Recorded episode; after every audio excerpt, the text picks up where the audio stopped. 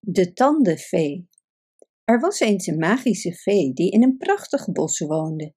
Deze vee stond bekend als de tandenvee en ze kon vele verschillende vormen aannemen. Sommige kinderen zeggen dat ze eruit ziet als een kleine, fijnbesnaarde vee met vleugels en glinsterende kroon. Anderen geloven dat ze een vriendelijke, zachtaardige geest is, die gloeit met een zacht wit licht. De tandenvee is verantwoordelijk voor het verzamelen van tanden van kinderen over de hele wereld. Dus wanneer een kind een tand verliest, leggen ze die tand onder een kussen voordat ze naar bed gaan. De tandenvee komt dan, neemt de tand mee en laat een speciale verrassing achter. Sommige kinderen worden wakker met een glimmende nieuwe munt, terwijl anderen misschien een klein sieraad of speelgoedje ontdekken.